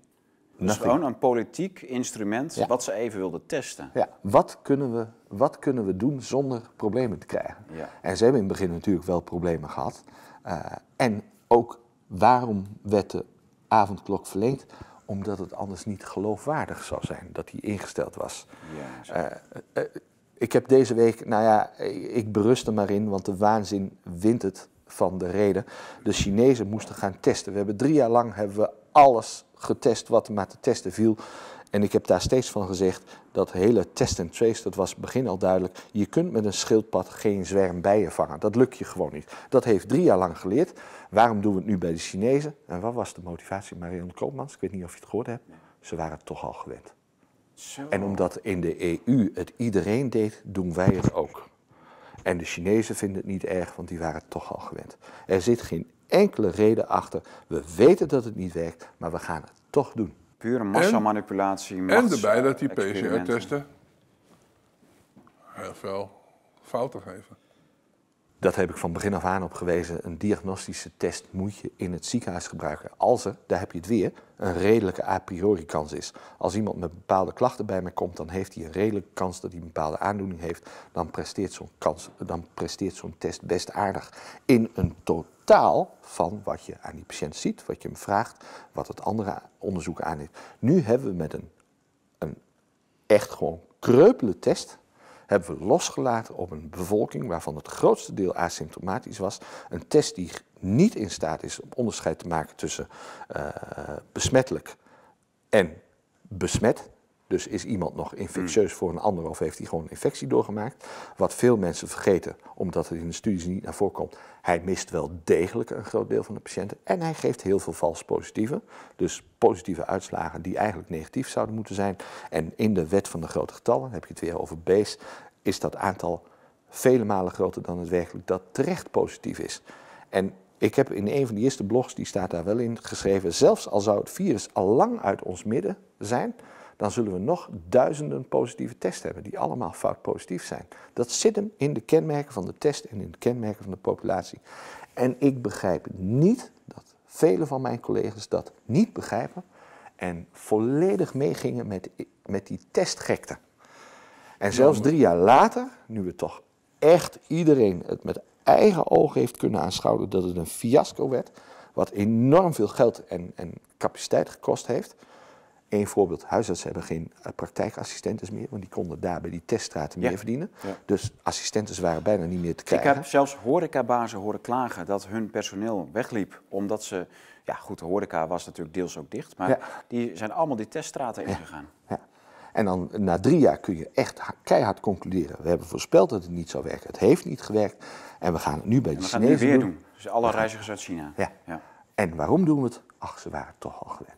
En de EU doet het allemaal, dus wij moeten allemaal hetzelfde doen. Dat is wat centralisatie van de macht doet. Het uitvoeren van volstrekt stupide beleid waarvan je al weet dat het niet werkt, maar omdat de hogere macht in Brussel zegt dat we dat met z'n allen moeten doen, doen we dat. Dat is, het, eh, dat is toch ook de definitie van het absurde. Steeds hetzelfde doen en een andere uitkomst verwachten. Ja. Ja. En ik, eh, die stupiditeit, die zie ik niet eindigen. En dat is wat onze hoge priesters gewoon klakkeloos durven te verkondigen tijdens een Zoom-sessie. Mensen als Koopmans die toch echt beter zouden moeten weten. En die dan gewoon zeggen, ja, maar we moeten één lijn trekken in Europa. Ja, dan ben je, dan ben je elke vorm van reden voorbij. En ik zie dat niet veranderen op korte termijn. Nee. nee, dus we zitten echt zo in zo'n onomkeerbaar proces op heel veel vlakken. Eh, waar, zit, waar ligt ergens die bodem? Waar gaan, waar, ga- waar gaan we heen? Wat, in wat voor race zitten we? Als mensen, eh, wat ik steeds gezegd heb, in de portemonnee gaan werken. Dat is Ja, dat toch is wat- toch al heel lang. Ja, maar nog niet voldoende. Kijk, eh, een financieel jurist bij Mark Maas, die heb ik toen gevraagd om dat uit te leggen. Die zei, met de armen heeft niemand medelijden. Want er is toch een soort heersende gedachte bij mensen dat armen hebben het aan zichzelf te danken. Eh, maar nu is er een hele grote middenklasse die ook getroffen gaat worden. De gasprijzen dalen weer. Maar dat zijn de makke schapen, die Dat zijn de middenklasse. makkenschapen. Maar, kijk, je, je, ziet het, je ziet de onlust wel toenemen. Mijn vrouw doet de boodschappen, die hoort aan de kassa Oh, het is allemaal wel duur. Ik kan de energierekening niet betalen. Ik spreek met de timmerman die mij de boeien vervangt. Die zegt, ja, er zijn al twee mensen die hebben afgezegd, want kunnen het niet meer betalen. Uh, de onrust, de onvrede is er wel, maar die broeit nog onder het oppervlak. En ik, ik weet echt niet. Veenbrand. Ja, dat is een veenbrand. In Nederland zal wel lang duren, maar je ziet in Frankrijk natuurlijk wekelijks weer protestacties. Waar het op matten uitdraait met de ME. Ik heb gisteren beelden uit Brazilië gezien. Ja. Goed, dat is Brazilië. Maar waar gewoon de ordepolitie van het paard getrokken wordt en bijna ter plekke doodgeslagen wordt. Daar wordt het leger op afgestuurd met, met, uh, gas, uh, met, met traangasgranaten. Maar er komt een moment dat die onvrede ook in het leger toeslaat. En ik denk dat uh, er zijn twee dingen die ik hiervan. kijk, mensen, er zijn twee, twee dingen. Het eerste is Johannes de Wit. En je, we weten dat is. In één nacht is de hele situatie omgedraaid. Ceausescu achter Ja. de tafereelen. Ja. Ze hangen aan de Ja, maar staat de hoogste Israël ook. En ik vind dat, ik vind dat hoopvolle eh eh, taferelen. Om- De, de staat Israël, het, het, was, het Joodse volk is echt gewillig naar de slagbank geleid. Er zat geen, nul verzet in. Ze gingen, eh, ze moesten. Ze hebben, ze, hebben zelfs nog hier in de Joodse Raad hebben ze hun eigen mensen op de trein gezet. Het was het, het meest slachtofferige eh, volk wat er, wat er tot dan toe was. En dat was niet in Nederland alleen maar, maar dat was eigenlijk overal. Ja. En ook in een mum van tijd hebben ze daar een nationalistische geest of een, een, een geest van zelfbewustzijn ja, gekregen om in no time die staat in 1948 Maar je kunt, neer je, te kunt, je kunt bijvoorbeeld ook wel kijken het, dat draait zelfs... in, het, ja. het kan in één nacht Het kan, eh, kijk bijvoorbeeld naar eh, dat nog eh, 14 dagen voordat Hitler zichzelf voor zijn, voor zijn, voor zijn, voor zijn schoot, dat hij gewoon opdracht geeft. Terwijl hij totaal aan de verliezende hand is om bijvoorbeeld een eh, die, die op te hangen. En het wordt gewoon gedaan. Dan zeg ik, die mensen houden toch, zouden kunnen denken, nou die Hitler, ik heb nog leren krijgen, maar we doen niet meer mee. Ja, maar Ze gaan nog gewoon mee. voor die mensen was er geen weg terug meer, hè? Er was gewoon geen weg terug meer. Die konden niet meer omkeren. Die waren te ver heen, en dat zie je nu ook bij bepaalde wetenschappers. Ze zijn wel stil, ze hebben zich teruggetrokken, je hoort ze niet meer. Ik heb een van die blogs, die komt ook later aan de orde, het verraad van de intellectuelen. Al die mensen die eh, voor hun, met de meest dure woorden, ethisch en moreel konden rechtvaardigen dat die coronapas toch echt heel rechtvaardig was. Je hoort ze niet Nee, meer, je ziet ze niet Klopt, meer. ja. Ze houden zich stil, maar ze kunnen niet meer terug. Ze kunnen... Wie heb ik nu gezien die openlijk zegt: Ik heb het verkeerd gezien? Dit had niet mogen De, gebeuren. KNS, de KNSB, eh, ik ben lid van de KNSB, de Koninklijke Nederlandse Schaakbond. Ik was lid. Ik heb gezegd, de KNSB moet je de KV weghalen als de NSB. Want die hebben dus verordend dat clubs het Ja. NSB-pasje moesten laten tonen. Ja. En mensen lachen dan als ik zeg, die kaart ben weg. Maar dit zijn gewoon fascistische maatregelen geweest. De KNSB is dus vanaf dat moment een fascistische organisatie geworden. En ze hebben het niet eens in de gaten. Maar hebben ze een excuus aangeboden? Nooit. Nee. Als ze hun excuus niet aanbieden, blijven ze gewoon fascisten voor mij. Het is, het is heel treurig om te constateren wat mensen elkaar. En dit viel natuurlijk met heel veel dingen uit de geschiedenis nog reuze mee. Maar het, is, het, het, het, het was een, een verbijsterende ervaring. Ja, maar we zouden het toch niet meer doen? Het Nee, wordt gewoon ingevoerd. Ja. Toen Ja, heb maar ik het- tegen het, heel het veel gaat mensen... Dus, het gaat dus weer, hè? toen Kuipers heb ik tegen heel veel weer mensen met Ja, maar- testen Ja. uit eh, China. Ik, ik, ik, ik vermoed, eh, zelfs Halsema, wat toch een politieke opportuniste puur zang is. Ja. Ik bedoel, dat is een politiek dier, daar zit ook niet heel veel moreel of ethisch besef in. En die zegt gisteren, ja, zij wilde geen gebruik meer maken van eh, verordeningen, noodverordeningen, want het zou het vertrouwen van de burger wel eens kunnen schaden. En ik denk, nou, dat heb je na drie jaar dan toch wel heel snel door. Zij voelt, en de Eerste Kamer heeft dus massaal nee gezegd tegen Kuipers, die spoedwetbehandeling die gaat er niet komen. Die spoedbehandeling gaan we gewoon niet doen.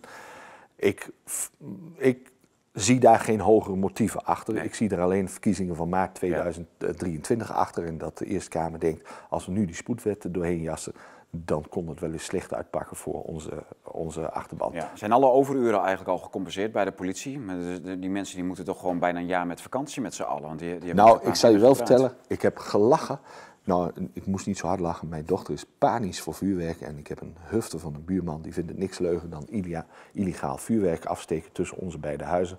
Wat dan heen en weer knalt. Ah, ja. Nou, Is een soort gangetje of zo? ja, dus een, gangetje. een- het is Ah, ja. eigenlijk een straat en ik heb een grote tuin met allemaal hallen eromheen.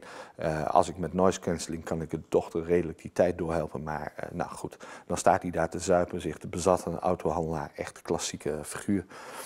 Dus ik was het op een gegeven moment zat. Mijn dochter helemaal in paniek. Die heb ik zelfs een Loris Pan moeten geven om, om het enigszins rustig te houden. Toen dacht ik, ik kan nou naar buiten lopen en die buurman echt met een baksteen voor zijn eh, bakken slaan. Maar ja, dan krijg ik weer voorlopig onderdak eh, in het staatshotel. Dus ik bel de politie. Het eerste wat die man zegt, een uur daarvoor was op de radio, de politie was op volle sterkte aanwezig in het hele land.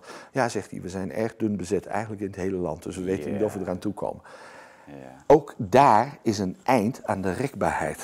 Je kunt natuurlijk maandenlang eh, ordentroepen, waren trouwens van de Europese politie, er zaten mensen bij die geen woord Nederlands spraken, die daar gewoon even eh, mensen in elkaar kwamen rossen op, eh, in opdracht van Halsema Grapperhaus. Maar ook bij de politie is er een einde aan wat ze kunnen doen. En ook Simon van Groningen zegt dat hij kent die politiewereld van dichtbij. En Ja, die komt van- eruit vandaan. Die komt daar Ja. vandaan. Ja. Die zei, er is heel veel onvrede in het korps over wat hun taak is. Ik krijg twee mannen aan de deur, die komen mij vertellen dat ik Gini Mooi niet meer mag noemen. Waar mag ik het niet meer noemen? Ja, dat wisten ze niet. Dat ging dus over Twitter. En toen vroeg ik hem, ik zeg, besef je nou wat je hier staat te doen? Ik zeg, en besef je überhaupt wat jullie de afgelopen drie jaar hebben te doen? En toen zei die man, dat vond ik kenmerkend, ja, zegt hij, ik en ik niet alleen vragen ons wel steeds meer af, waar, waar zijn we dit vak ook alweer voor begonnen? Ook daar is die onvrede. En ik vind dat prachtig, Hannah Arendt die in een boek schrijft. Er is een, een elite die schurkt tegen de macht aan, die denkt dat ze het mandaat op geweld hebben. En die denken, daar heb je het over de zwarte zwanen van Taleb, die denken dat dat eeuwigdurend is. Ja. En Taleb zegt heel duidelijk, kan hij ook heel goed zijn, de grote gebeurtenissen, de dingen die over, overnacht kunnen veranderen, omdraaien, die zie je niet aankomen. En die kunnen komend jaar ontstaan. Ik zeg niet dat het gebeurt. Maar de heersende elite die denkt dat ze tot in het oneindige kunnen blijven zwetsen over CO2 en stikstof en over betere natuur en over af laten kopen zodat je met je campje door Europa kan reizen. Die denken dat dat, dat, dat de toekomst Ik denk is. dat zo'n, eh, weet je, Albersberg, Pieter Jan, Ja? Pieter Jaap, Pieter Jaap. Pieter Jaap Ja. zal op zeker moment rekenschap moeten geven van zijn daden, Dat weet ik van niet. zijn misdaden. Nee, ik, ik Er denk komt dat daar, een moment. Ik denk dat daar geen rekenschap eh, eh, gaat Ja, komen. is het niet hier, dan is het wel daar. Nou, ja, daar, ja. Maar ik, ik, ik denk, eh, het, eh, wat, wat Jan schetst, dat wordt toch een, een doemscenario. Dat overnacht, hè, de, de Ceausescu-taferelen, Ja. dat er wel degelijk ehm, volk in staat is. En eh, dat zie ik in Groningen ook vanwege de aardbevingsproblematiek Ja. en de windmolenparken. En nog een aantal andere dingen die hier spelen. Dat eh, mensen tot alles in staat zijn. Echt tot alles. En, Je eh, kunt niet, dat zie je ook bij, bij iedereen heeft, nee, niet iedereen, maar als je naar, naar eh, mensen in de gevangenis kijkt die de meest vreselijke daden gedaan hebben, daar zitten de echte psychopaten bij. De mensen die moorden en verkrachten uit plezier. Maar er zitten veel, veel mensen bij die tot wanhoop gedreven zijn. En als je mensen maar genoeg prest en maar genoeg treitert en maar genoeg dingen belooft die je niet waarmaakt, dan komt daar een keer de retaliation, Ja. de wraak daarvoor. De afrekening. En dat zie je in Nederland misschien nog niet zo snel gebeuren, want wij zijn ja, toch... Ja, we stellen het langer uit. We stellen het langer lang- uit, maar je en ziet mensen het in stemmen Frankrijk. niet meer, mensen doen heel veel. Nee. Hè, laten, Vraag het me af. Maar ik weet wel, in Frankrijk is dat sentiment heel hoog. Precies. met, met de gele Precies. hesjes natuurlijk al. Ver, De ver voor Grieken corona. die de EU Ja. verafschuwen, die hebben daar armoede geleden. Puur om de banken overeind te houden. Daar zit natuurlijk meer eh, vuur. Eh, Italië hadden we het ook al over, heeft een hele schaduweconomie. Maar de onvrede wordt op een gegeven moment zo groot. En we zien het. Zweden, de rechtse regering, die zetten met één pennenstreek ministerie van Milieu. Flikker maar op, dat doen we niet meer. Italië, die zegt, Polen, zeggen samen in een verklaring: we hebben wel genoeg van de EU. We hebben wel genoeg van die bureaucratische ellende daar. Eh, we willen weer echt een Europese staat, een soort, soort eh, zeg maar federatie van staten, waarbij de staten zelf alles regelen wat ze doen. Wij moeten die, die macht van Brussel niet meer. Dat zijn de begin. Dat is het begin. En dat gaat de komende jaren alleen maar door. Daar ben, Europa, je, daar ben je wel een beetje hoopvol dus. nou, eh, wordt het er beter van? Dat is de vraag. Ja, Oké, dus, we, hè, dus die, die, eh, die welvaart gaat ook wel echt naar de bodem. Ja, ja. dat denk ik wel. Ja.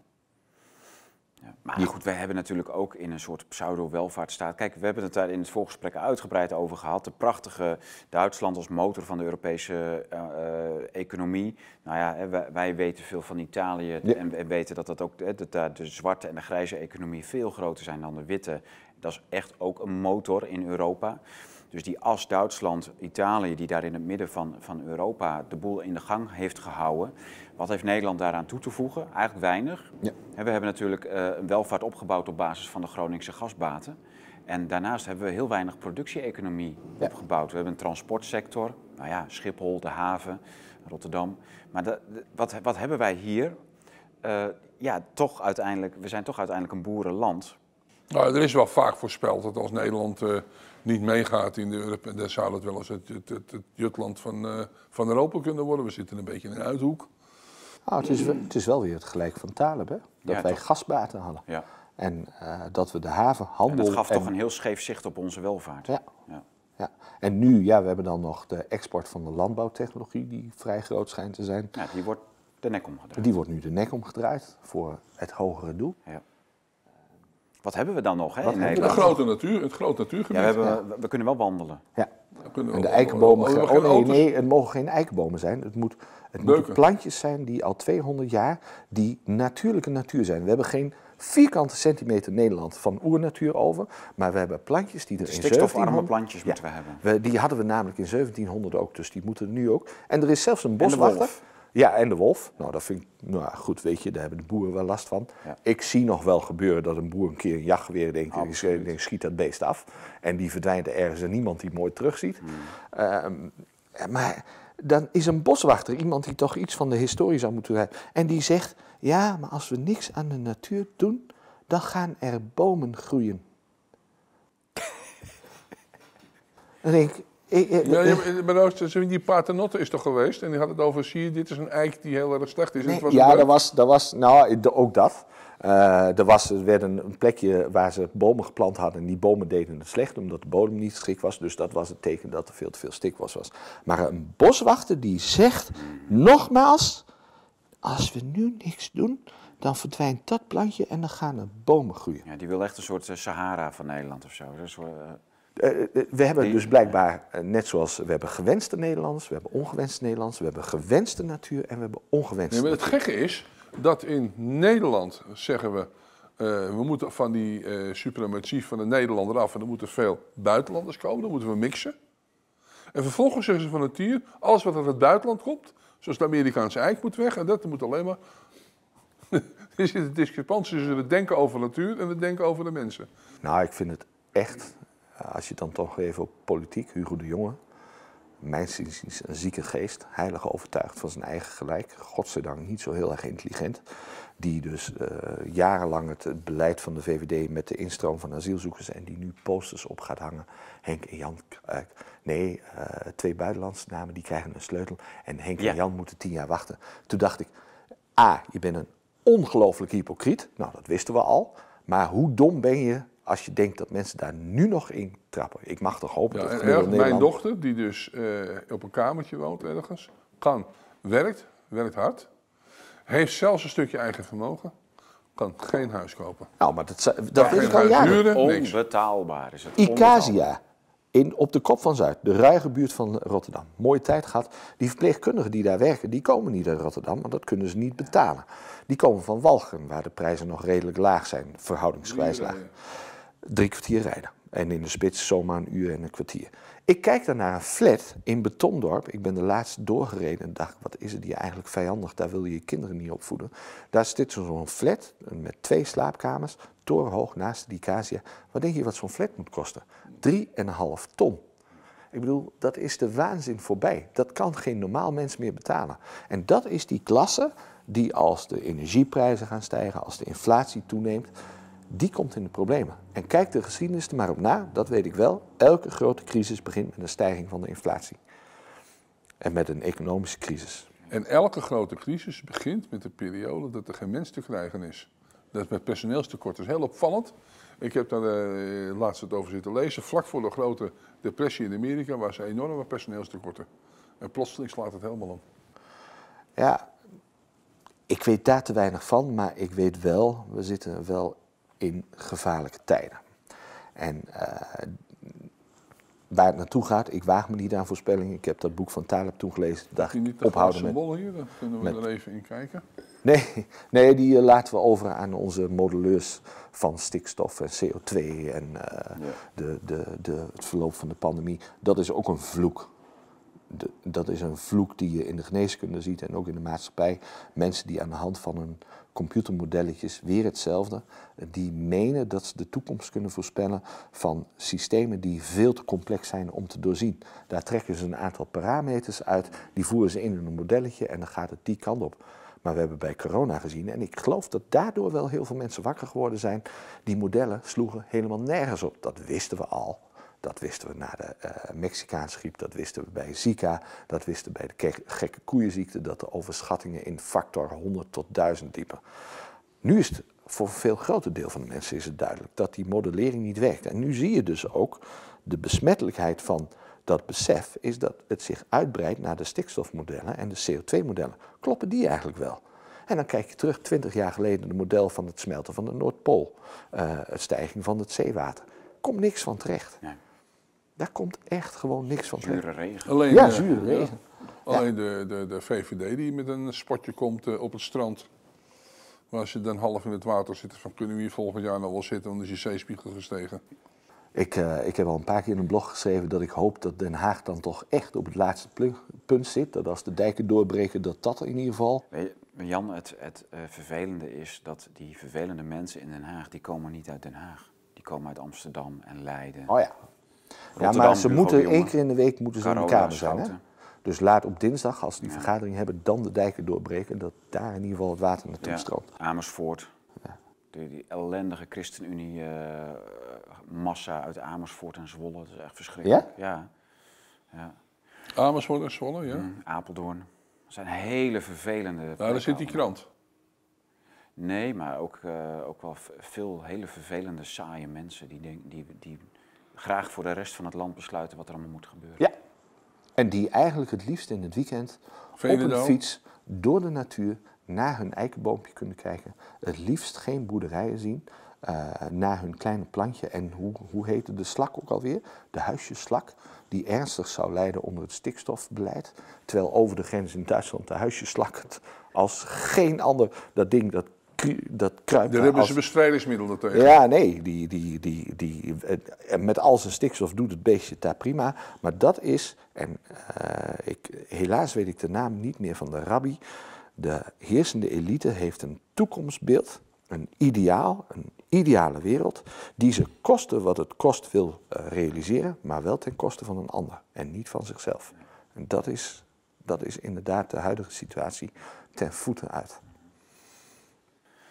Interessant weer, hè? Um, nou, dit, uh, ja, het begon heel, heel interessant en het eindigt heel interessant. Tenminste, dat is mijn voorstel om het hierbij te laten.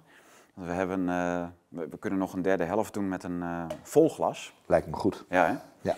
Beste mensen, dit was een ontzettend leuk gesprek. Jan Bonte, na twee jaar terug in Blue Tiger Studio. Echt heel erg leuk. Dankjewel Jan voor je komst hier naar uh, Ja, ik werd gereden als een koning. Nou, geweldig. Ja. In een 25 dus, jaar oude Peugeot 406. Ja. Kijk. Maar ja, inmiddels mijn dikste vriend. ja, dikste wel, ja. ja, uh, we beginnen trouwens binnenkort met een, uh, met een, uh, een afslankprogramma, een dieet van Nick Ja, joh, schijn het eruit. Je mag nog wel wijn drinken. Ja, is maar dit, dit is, ja, dat is prima. Ik wil het best wel lezen, maar... Ja. Uh, ik denk bij mij al die, al die magere mensen, jongens, allemaal jaloers. Ja, maar Toch? Je, het, is, komt erop neer, je gooit rijst, aardappels, brood ja. uit, je, uit je eten. Rijst, aardappels en brood? Dat is geen patat meer? Dus, okay. Ja, maar dus het, het, eten waar je eigenlijk niks aan hebt. Je houdt de lekkere dingen, vlees, wijn, fruit, kaas. kaas. Nou, vlees mag niet van, uh, van wie ook weer niet? Nee, maar... mag niet meer voor Rob Jetten. Je hebt het ja. over veranderende wetenschap, hè? Er is ons 30 jaar lang verteld dat vet slecht schrijven vet, super slecht. Ja. Vet en, het en blijkt- eiwitten, dat is het. Ja. En dan gaan we dus eh, met, eh, met u als kijker gaan we daar ook mee aan de slag. U kunt zich aanmelden voor dat FIT-programma. Ontzettend leuk eh, programma waarbij u hier komt in de studio. En we hebben natuurlijk een gym beneden die eh, u mag gebruiken. Maar we komen ook bij u thuis. Gaan we lekker in uw koelkast snuffelen, kijken wat we eruit kunnen gooien. Serieus? Menno en Tom gaan onderweg met Nico Norte als uw eh, bewegings- en voedingscoach. Wordt ontzettend leuk. De eerste Blue Tiger reality show die, eh, die ik al veel langer had willen maken, die komt er eindelijk. En daar kunt u dus aan meedoen, u kunt zich opgeven, info.deblauwetijger.com. Geef u op als u mee wilt doen, als u voor of eh, achter de camera lekker mee wilt doen. Of ja, de vo- goede voornemens van het nieuwe jaar in Ja, maar praktijk oh, gaat brengen. goede voornemens Ja. onderstelt ongoede hebbeligheden. Maar als je die nou niet hebt, Ja, dan moet je het zo laten, Willem. Oké. We dwingen niemand. Toch? Heren, bedankt. Willem, dat je weer naar eh, Groningen hebt willen rijden. Ontzettend ja, het gezellig. blijft toch wel een gezellige leuk, provincie. heerlijk. Ja. ja, het blijft wel Er gezellig. gaat bijna niets boven Ja. Groningen. Bedankt voor het kijken. Schrijf u in op ons eh, eigen videokanaal, bluetooth.studio. We hebben weer een ban achter de rug, hebben u niet mee lastiggevallen. Twee weken van, de, van YouTube afgegooid. Maar dat is toch wel in de regel de, de, ja, de plek waar we u als kijker, als nieuwe kijker kunnen ontmoeten. Dus als u nieuw bent en kijkt naar deze uitzending, dan de oproep... Ga naar bluetooth.studio, dat is ons eigen videoplatform. U kunt dan naar de eh, hamburgermenuutje klikken, eh, n- naar de knop registreren. En dan krijgt u gratis en voor niks alle eh, video's, ook als ze van YouTube gegooid worden. U kunt daar überhaupt het, ons hele archief terugkijken, wat, wat er allemaal al verwijderd is. Maar ook andere leuke dingen. De waanzinbars van onze afgelopen zomer. Arno Wellens komt binnenkort weer in de studio. En, eh, en natuurlijk het nieuwe boek De Complotcatalogus van Pat- Patrick Savalle. Die komt er ook. En eh, nou ja, goed, u krijgt updates van nieuwe boeken, ander nieuws. Wat, wat, u ook maar, wat wij ook maar doen, dat eh, krijgt u allemaal als u zich registreert op bluetooth.studio. Bedankt voor het kijken. Graag tot de volgende keer.